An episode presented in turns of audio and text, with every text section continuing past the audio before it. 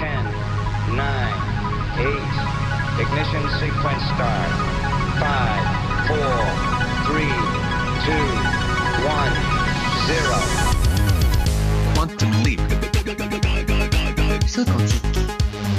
Salto quântico, salto quântico, salto quântico. Quantum Salto quantico. Salto quantico. Salto quantico. Kvantum, det du inte visste att du ville veta. Så där ja gott folk så var vi igång då. Kvanthopp heter det här programmet som sagt och i mitt pass där står det Markus Rosenlund. Allt har sin tid som vi ju vet. Rymdsonden Cassinis tid kom till sin ände nu i fredags när NASA störtade ner sin sond i Saturnus som Cassini hade bevakat i 13 år. Det som de flesta kommer att minnas Cassini för är de otroligt fina bilder som den tog där ute vid Saturnus, som är en helt otroligt vacker planet på nära håll. Vad annat kan man säga? Googla solsystemets mästerfotograf och svenska YLE så får ni se en artikel med bilder som jag har satt ihop. Vi ska hur som helst titta tillbaka på Cassinis tid ute vid Saturnus i det här programmet. Så ska vi fundera kring det här med att leva för evigt, eller åtminstone i flera hundra år. Det finns forskare som på allvar menar att det är möjligt att uppnå det här bara genom att äta rätt. Och då menar jag väldigt lite. En metod för livsförlängning som baserar sig på halvsvält har på sistone testats i USA. Och forskaren Laura Perrin från University of Southern California, som är en av de hundra försökspersoner som deltog i studien, skulle åtminstone inte ha någonting emot att leva för evigt. I will never die. I need to do a lot of science. I don't want to die, never. Are sure? ja, Så mycket vetenskap, så lite tid. Personligen så är jag nog nöjd med 80 år eller så. Speciellt om det innefattar svält så då får det nog vara för min del. Vetenskapsnotiser ska det bli om en stund. Det ska bland annat handla om världens äldsta jättepanda som gick ur tiden helt nyligen.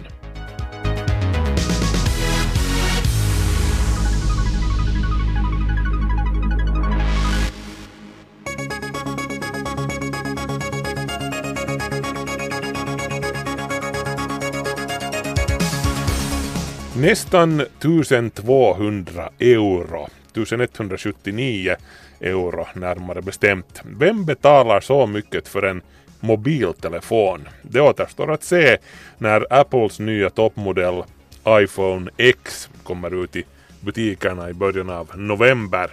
Nyheter för det, det här året är bland annat trådlös laddning.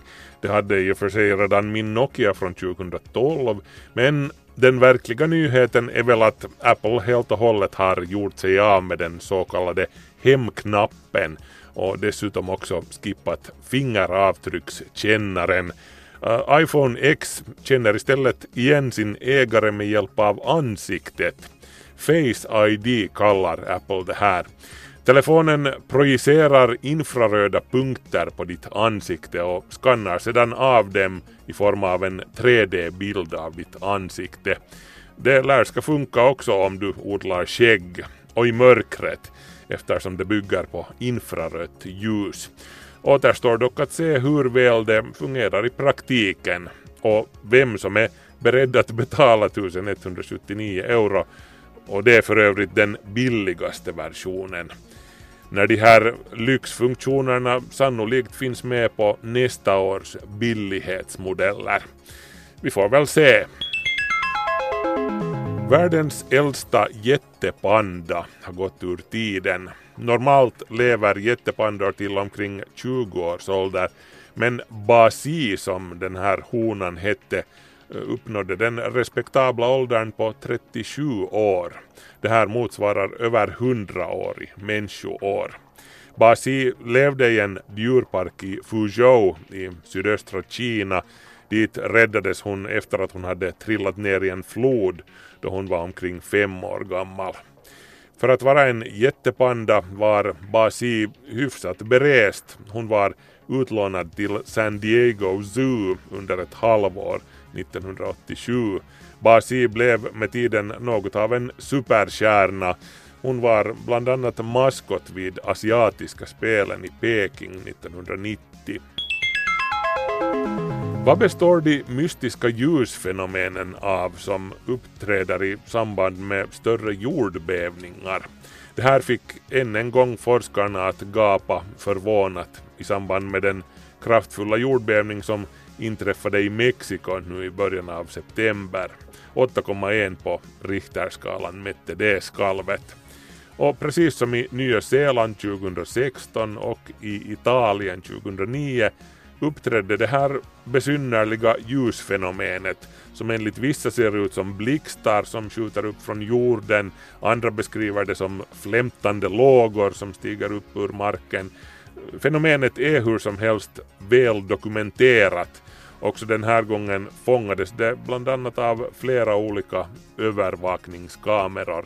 Enligt en hypotes om saken handlar det om joniserat syre i den vulkaniska stenen i berggrunden som frigörs i samband med jordskalvet och de laddade partiklarna bildar sedan en sorts coronaeffekt som uppträder i form av korta ljusblixtar.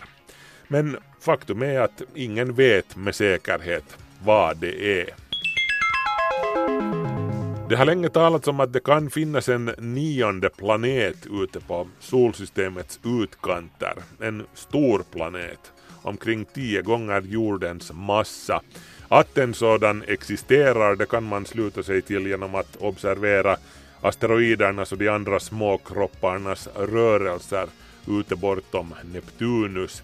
De tyder på att någonting finns där som påverkar dem.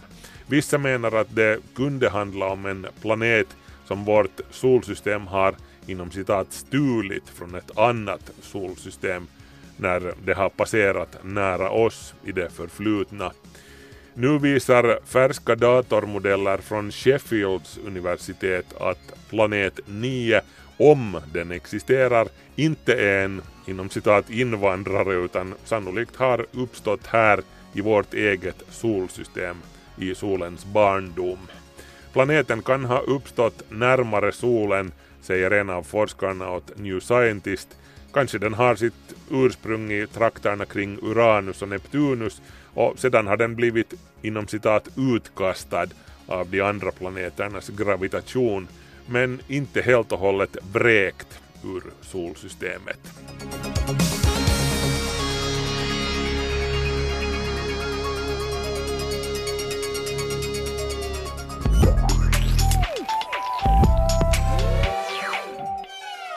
Yle.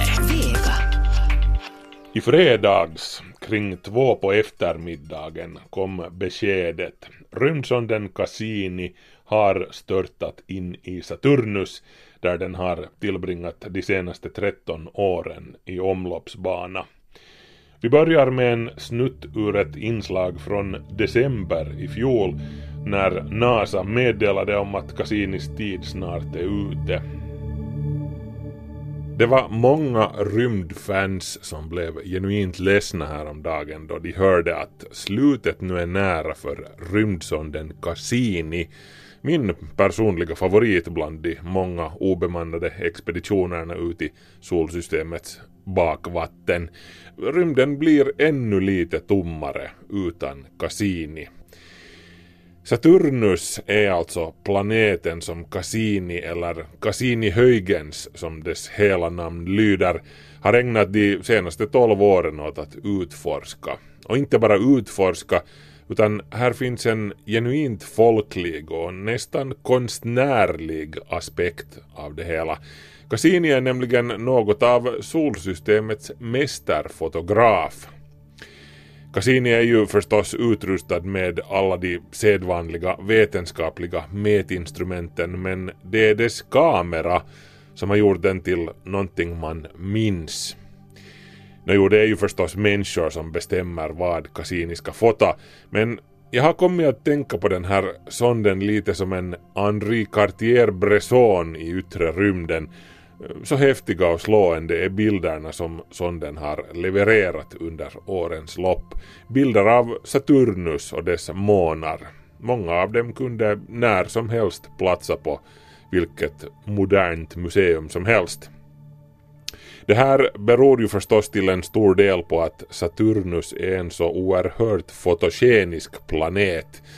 Eh, Saturnus, jätteplaneten med de slående ringarna och de många månarna, inalles 62 stycken varav Cassini har upptäckt sju, gör sig helt enkelt exceptionellt väl på bild. Det är lätt att glömma bort att vi har att göra med en jättelik gasplanet nästan hundra gånger större än jorden. Den kunde vara ett örhänge.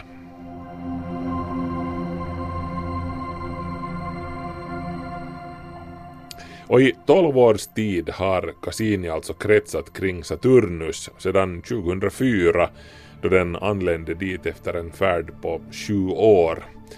På vägen passerade den också Jupiter som den passade på att studera och fotografera.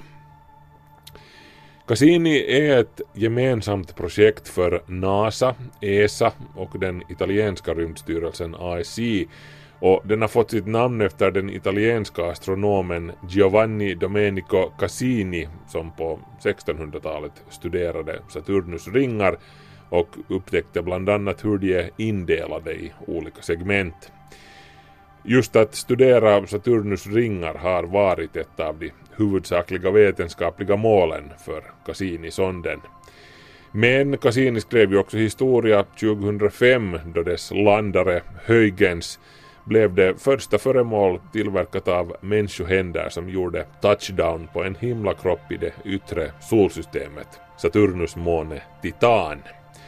Landaren Huygens levererade massvis med unika bilder för att inte tala om mätdata från Titan som är Saturnus största måne, den enda månen i solsystemet med en egen atmosfär. Ja, och så ska vi inte glömma bort att Cassini ju också fotograferade de slående plymerna av vatten som sprutar från Saturnus ismåne Enceladus, vilket mer eller mindre bevisade att det finns flytande vatten på och i den här månen. Det var också historiskt.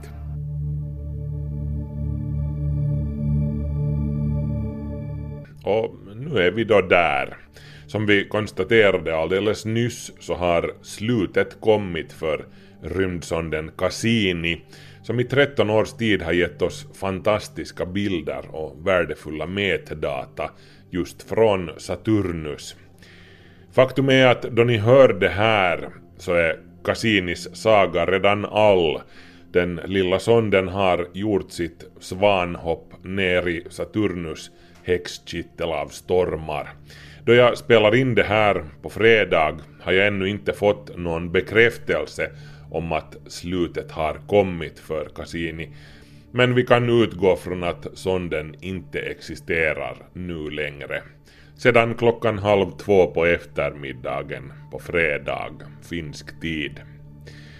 Men varför då den här dramatiska kamikaze-dykningen? Varför kunde man inte helt enkelt lämna Cassini snurrande där i omloppsbana runt Saturnus? Nå, på NASA var de tvungna att fatta ett, ett eller annat beslut eftersom Cassini helt enkelt började ha slut på bränsle. De ombordvarande plutoniumbatterierna är så gott som tomma och så länge sonden hade någon sorts manövreringsförmåga kvar så ville man störta in den i Saturnus. Man ville nämligen inte ta risken att Cassini störtar till exempel på Saturnus måne Enceladus som enligt vissa experter är en tänkbar hemvist för liv, för där finns flytande vatten.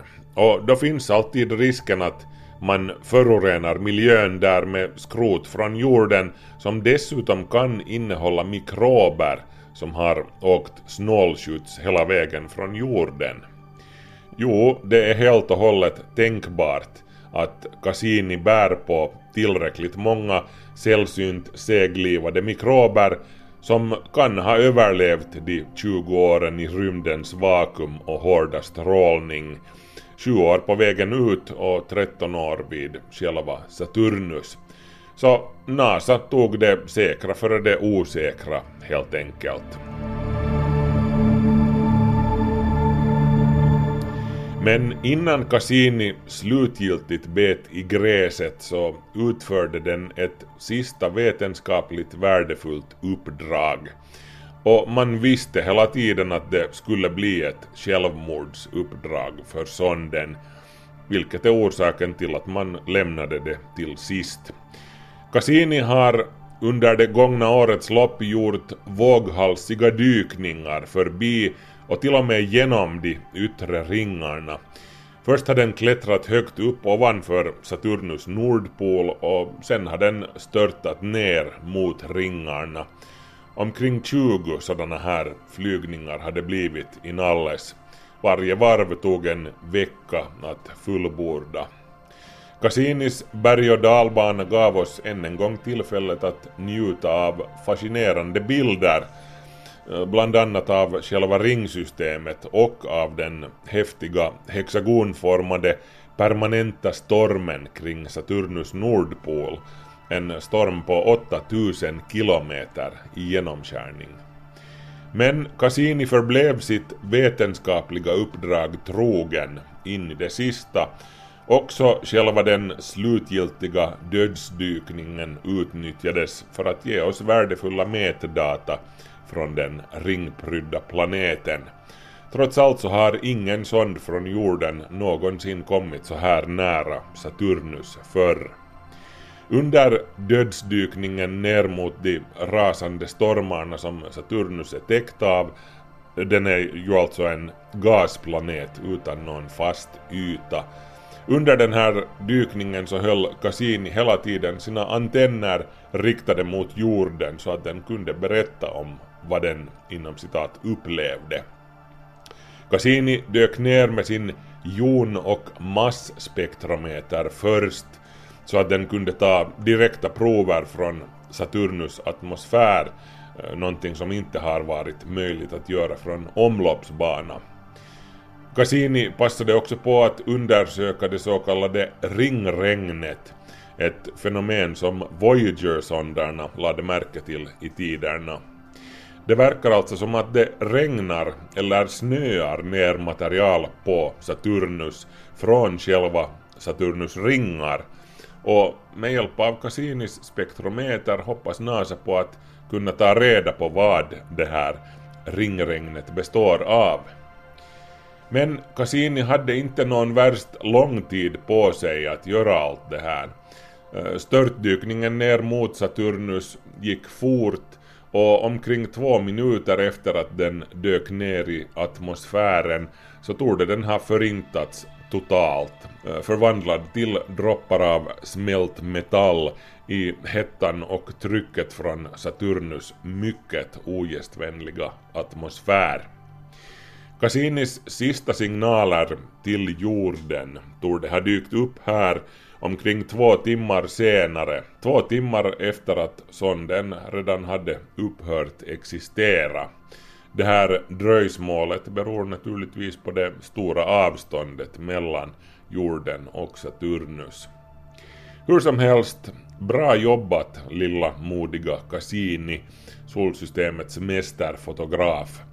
Du må vara borta, men som man säger, bilderna lever för evigt.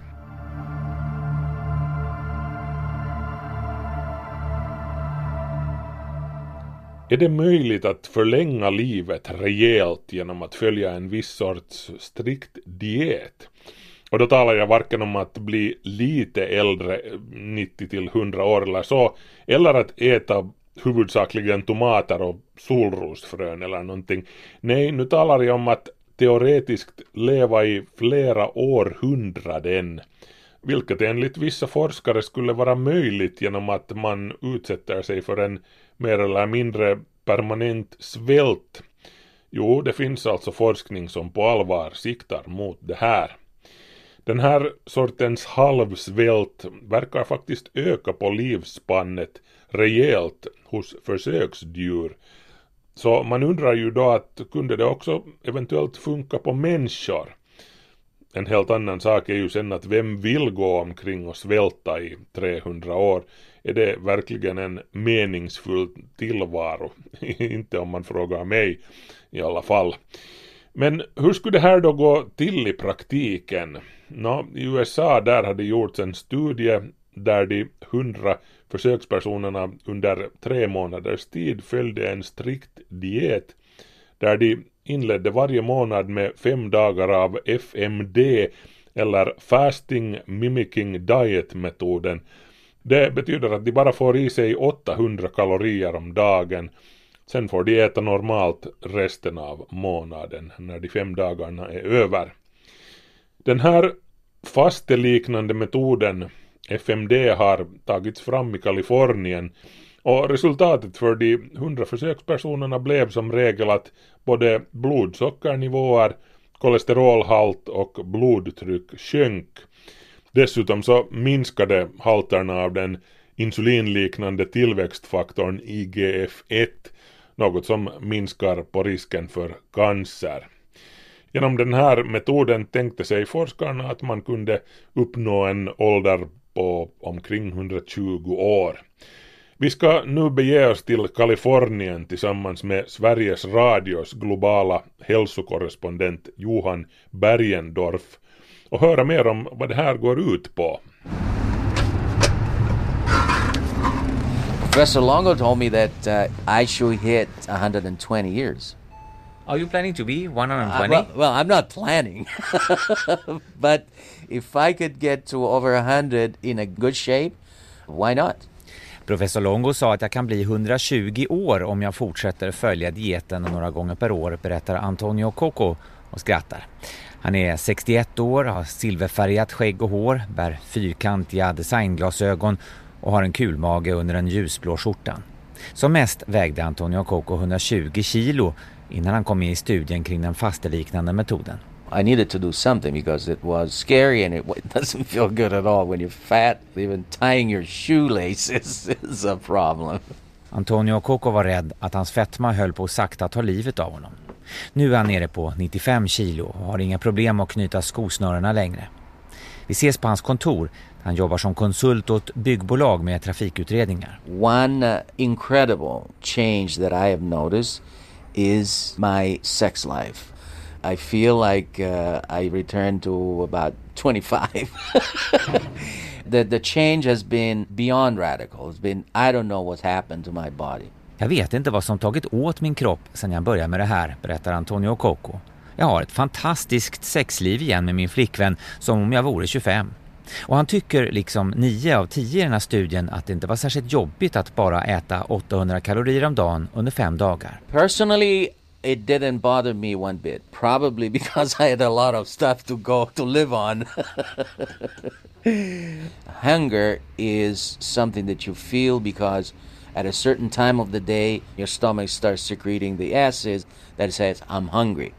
But if you wait about 15 20 minutes, that goes away. Jag hade ju en rejäl kagge att leva på, skrattar Antonio Coco. Och han menar att hungerkänslorna styrs av magsäcken som utsöndrar magsaft när den är van att få mat, men det där går över efter en kvart. Men nu har han vant kroppen att äta mindre. Kolesterolvärdena är normala, blodtrycket och blodsockernivåerna också och halterna av den insulinliknande tillväxtfaktorn IGF-1 har gått ner och minskat risken för cancer.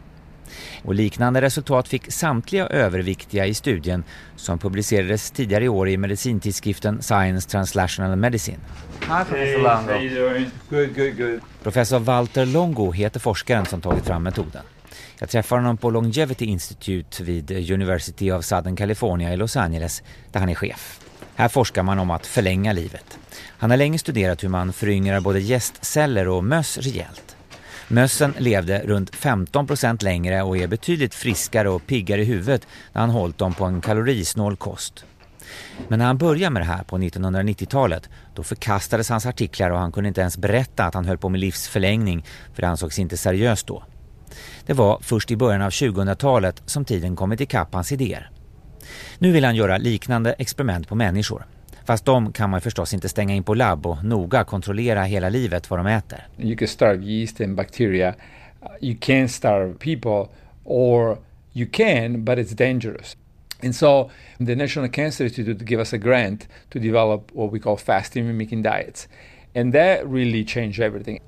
Det var när Walter Longo ville testa hur fasta påverkar cancerpatienter under cellgiftsbehandling som han tog fram den här FMD-dieten.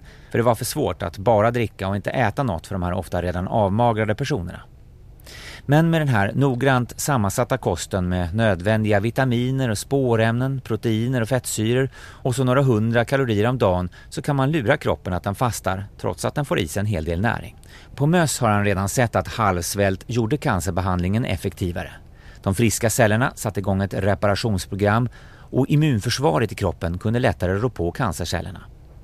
Och I en liten studie på människor rapporterade de som åt FMD-kost att de kände sig mindre trötta och hade mindre magproblem än kontrollgruppen som åt som vanligt. I en annan mycket uppmärksammad studie i vintras på försöksmöss med typ 2-diabetes så visar han också att efter ett antal runder med FMD-fasta så hade mössens bukspottkörtel som slutat producera insulin fått nya stamceller som satt igång hela maskineriet igen så att mössen blev friska. Det här fick oerhörd spridning i massmedia, men steget mellan möss och människor är långt. Och Walter Longo har fått oroade brev hur metoden beskrivits som en bot för diabetiker i till exempel svensk TV. Och han varnar för att det är väldigt riskabelt för personer med typ 1-diabetes att själva experimentera med fastemetoden i kombination med insulinsprutor utan läkarkontroll. I just got an email from Sweden and it was the head of one of the association for diabetes. And he said I'm extremely concerned that particularly type 1 diabetes patients which are receiving insulin could do this on their own. And and this could not only be dangerous it could be deadly. Nu ska Walter Longo ihop med forskare i USA, Nederländerna, Frankrike och hans födelseland Italien göra betydligt större studier på patienter för att se hur FMD-fastan påverkar både cancer och diabetes men också nervsjukdomen MS och tarmbesvär vid Crohns sjukdom. Men jag kan inte låta bli att undra om FMD, den här femdagarsfastan, bara är en variant av den så populära 5-2-dieten där man fastar under två av veckans sju dagar och normalkost däremellan. I mean, the, the 5-2 is not really fasting, right? I mean, it, it's really a calorie restriction a couple of days a week, uh, which is fine, you know. Nej, Walter Longo anser inte att 5-2 är samma sak som FND. Dels för att det behövs flera dagars fasta innan effekten inträffar när cellernas reparationsmaskineri sätts igång och nya stamceller bildas.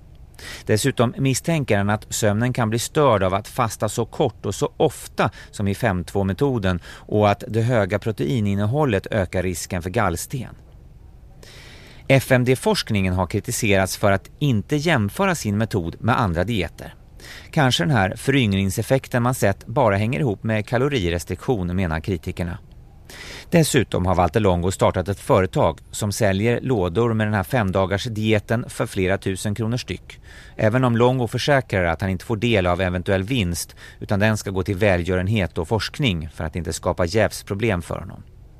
Själv är Walter Longo 49 år men han ser betydligt yngre ut, smärt och utan ett grått hår i den svarta kalufsen. Och han fastar förstås med FMD-metoden minst två gånger per år. Yeah, I, I certainly hope to get to 110 and uh, I'm working very hard at it, but uh, a lot of pressure on me. So every time I have a little problem I'm thinking everybody's gonna say, oh, see, it doesn't work. Vilken press! Tänk om ett virus tar koll på mig om några år. Klart folk kommer att tänka att dieten inte funkar då, avslutar Walter Longo som ändå siktar mot 110. Betydligt högre mål har däremot forskarkollegan Laura Perrin som också deltog i den senaste FMD-studien. So how old would you like to become? I would never die. I need to do a lot of science. I don't want to die, never. Are you sure? yeah, Let's say that it's possible to live until you're 300, 400. I if I- would. There's so many things to do. You want to die earlier? I'm attached to this life. I see so many, you know, little kids on the other side of the street suffering and, you know, losing their life. And I feel I'm very lucky. Forskaren Laura Perin vid University of Southern California vill alltså leva för evigt så att hon hinner få fram metoder som räddar livet på barnen med njursvikt som hon ser genom sitt fönster på barnsjukhuset mitt emot. Därför forskar hon på att få igång barnens stamceller så att de kan laga njurarna. Och det är ju en annan metod också som många labb nu hoppas på för att förlänga livet. Att vi åker in på reservdelsverkstan då och då byter ut sånt som gått sönder i kroppen helt enkelt. Du lyssnar på Johan Berndorf som är global hälsokorrespondent och så har jag sällskap av Lars Broström, Vetenskapsradions nyhetschef och expert på olika dieter och motionsformer. Lars, hur länge vill du leva? Eh, Ja, känns väl realistiskt med hundra år kanske, men tusen år vore väl ändå häftigt. Ja, men, men om, om man tänker då att du lever själv tusen år så är dina kompisar döda, dina barn döda och så vidare. Ja. De skulle också leva då förstås. Ja, precis. Det får man ju väl förutsätta att, att de nära och kära lever vidare. Eh, Det är klart, man skulle få se mycket död och elände, men man skulle kanske också få se väldigt mycket kul om vad som händer i samhället, hur det utvecklas och, och sådär. Ja. Jag hade med 101-åriga Anna Eriksson som gäst i min talkshow i somras och hon svarade så här när jag frågade om hon kunde tänka sig att ta ett piller som skulle öka livet på henne med, säg, ja, till 200 friska år till då. Nej, jag vill inte leva så länge. För att du har tröttnat? Ja, nej då. Nej, jag är glad att jag har fått leva så, så länge som jag har gjort. Och jag har upplevt en hel del. Och jag tycker det räcker. 101-åriga Anna Eriksson alltså. Och Brun Ulfhake som är professor i anatomi vid Karolinska institutet. Han ifrågasatte hela vitsen med den här livsförlängande forskningen. Jag ser inte riktigt eh, vitsen med att bara förlänga livet. Vad jag tror är betydelsefullt det är att vi kan komma till rätta med de problem som hög ålder ändå medför när det gäller exempelvis att höra, smaka, se och så vidare. Så att vi ser till att livskvaliteten under vår livslängd är då så bra som möjligt, att vi kan vara aktiva i så höga åldrar som det någonsin går. Och att det är den forskningen jag tycker vi ska prioritera. Sen får vi någon form av bonus när vi löser olika sjukdomsmysterier i det att naturligtvis förlänger eh, då, eh, överlevnaden för människor. Men att forska bara på att förlänga människans liv har jag lite svårt att inse vitsen med. Ja, för du menar att vem vill ligga 200 år på långvården? Det är en aspekt. Den andra aspekten är ju då vilken nytta har det? Förutom att det tillfredsställer vår egen överlevnads, eh, vår drift att överleva. För att en sak ska vi komma ihåg och det är att varje generationsväxling eh, innebär en ny kombinationsmöjlighet av de anlag som finns i den mänskliga förmögenheten, vårt kollektiva genom. Och om vi då förlänger de här så kommer vi alltså då att eh, minska variationsrikedomen och nya kombinationer. Och det innebär en större risk för människan som art. Men, men alltså, vad, vad för risker med, för samhället ser du om folk skulle leva tills de blev tusen? Ja, Jag tror risken framförallt är att det blir rätt statiskt. Både biologiskt men även ur eh, samhällskonserverande Vi skulle leva på medeltiden, så här har vi ju alltid gjort. Ungefär. Ja, intressant att han ser ur ett evolutionsperspektiv här, att vi, vi som mänsklig art inte skulle utvecklas. Men det är klart att eh, Eh, det är väl kanske just det att antalet friska år skulle öka. Det är ju mer intressant än antalet år i sig, tänker jag. Men, men vad, vad är det egentligen för forskning som professor Brun Ulfhake eh, är negativ till? Alltså rent livsförlängande metoder? Ja, men till exempel är det det här ge blodtransfusioner från yngre djur till äldre som någon sorts livselixir. Och det finns ju för övrigt också att köpa som en kur hos det kaliforniska bolaget Ambrosia som säljer plasma från ungdomar för 80 000 kronor till gamla som vill bli unga på nytt. Eller man kan betala ännu mer, 250 000 kronor till ett annat kaliforniskt bolag, Human Longevity Incorporated, med genentreprenören Craig Venter eh, för att göra en total genkartläggning och kroppsscanning i magnetkamera så att man hittar alla sjukdomar som man ännu inte visste att man hade och sen kan man då kanske behandla dem i tid och så vinner man några år förhoppningsvis. Eh, ytterligare ett exempel är genterapi. Eh, Elizabeth Parrish som är vd för ett tredje kaliforniskt biotechföretag. Hon fick nya gener i Colombia förra året som skulle förlänga hennes telomerer. Alltså det är ju cellernas åldersklocka då med en sorts bäst före-datum som ställs tillbaks med typ 20 år hävdas det. Och dessutom är hon nu mer gendopad med ökad produktion av muskeluppbyggande hormon. Sen finns det ju idéer då att man kan byta ut gamla organ mot robotdelar så att man blir mer och mer cyborg.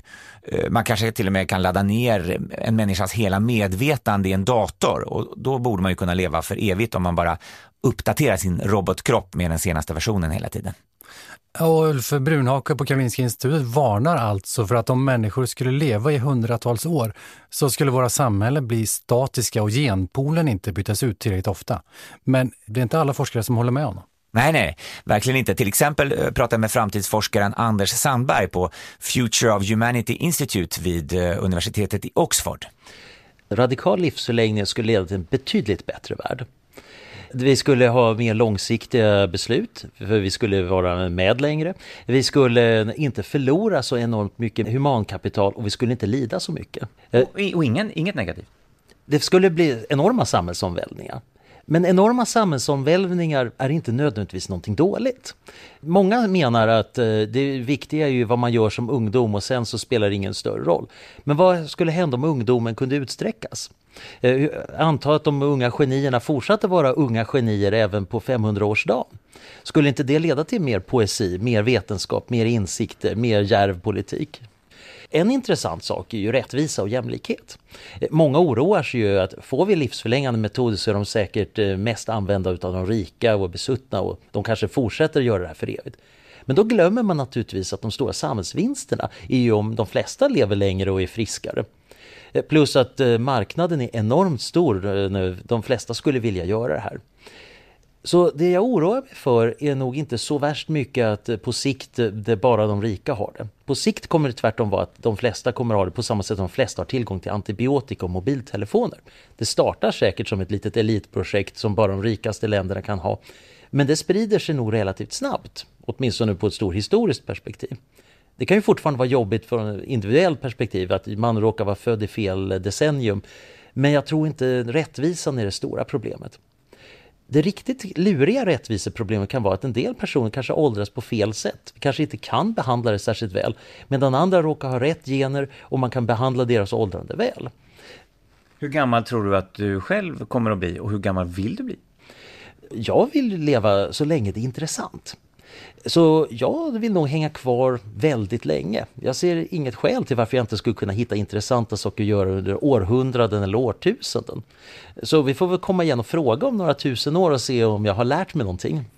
Mm, Anders Sandberg på Future of Humanity Institute vid universitetet i Oxford. Undrar just bara vad dagens unga doktorander skulle säga om han aldrig lämnar sin tjänst och stannar kvar där i tusentals år. Ja, de ska inte vara så glada kan man tänka. Men han sa faktiskt att han tycker att eh, man ska nog bara kunna ha ett jobb i ungefär 100 år innan man behöver söka om det eller söka något nytt, en ny karriär. Ja, den som lever får se hur det blir med det här och om det blir piller eller något annan metod för att ge evigt liv. Kvanthopp, det du inte visste att du ville veta. Du hörde Sveriges Radios globala hälsokorrespondent Johan Bergendorf. Medverkade gjorde också Lars Broström som är nyhetschef på Sveriges Radios vetenskapsradio. Själv så vet jag nu inte direkt om jag varken skulle vilja börja tillämpa någon av de här nämnda metoderna eller leva till 120 eller vem vet kanske flera hundra år. Kommer jag upp till 80 så är jag nog helt nöjd personligen. Då har jag nog sannolikt hunnit med det mesta som jag vill göra i livet. Däremot så inser jag nog det fina i att äta lite mindre då och då. Rejält mycket mindre faktiskt. Eh, jag har varit intagen på sjukhus ett par gånger under det gångna året och då har jag alltid fått en väldigt strikt diet med just så många kalorier att jag klarar mig men inte desto mer. Och det är faktiskt ganska skönt när man vänjer sig vid det. Man väntar på maten på ett helt annat sätt och så smakar den också mycket bättre sedan då den en gång anländer. Och man känner sig inte sådär jäst som man gör då man vräker i sig mat i långa banor. Det känns faktiskt helt bra. Hälsofördelarna med det här är ju också ganska uppenbara. Men tro inte att jag skulle ge upp chokladen helt och hållet eller en rejäl hamburgare då och då. Ibland måste man nog få unna sig sådant. För annars vill jag faktiskt inte leva till hundra.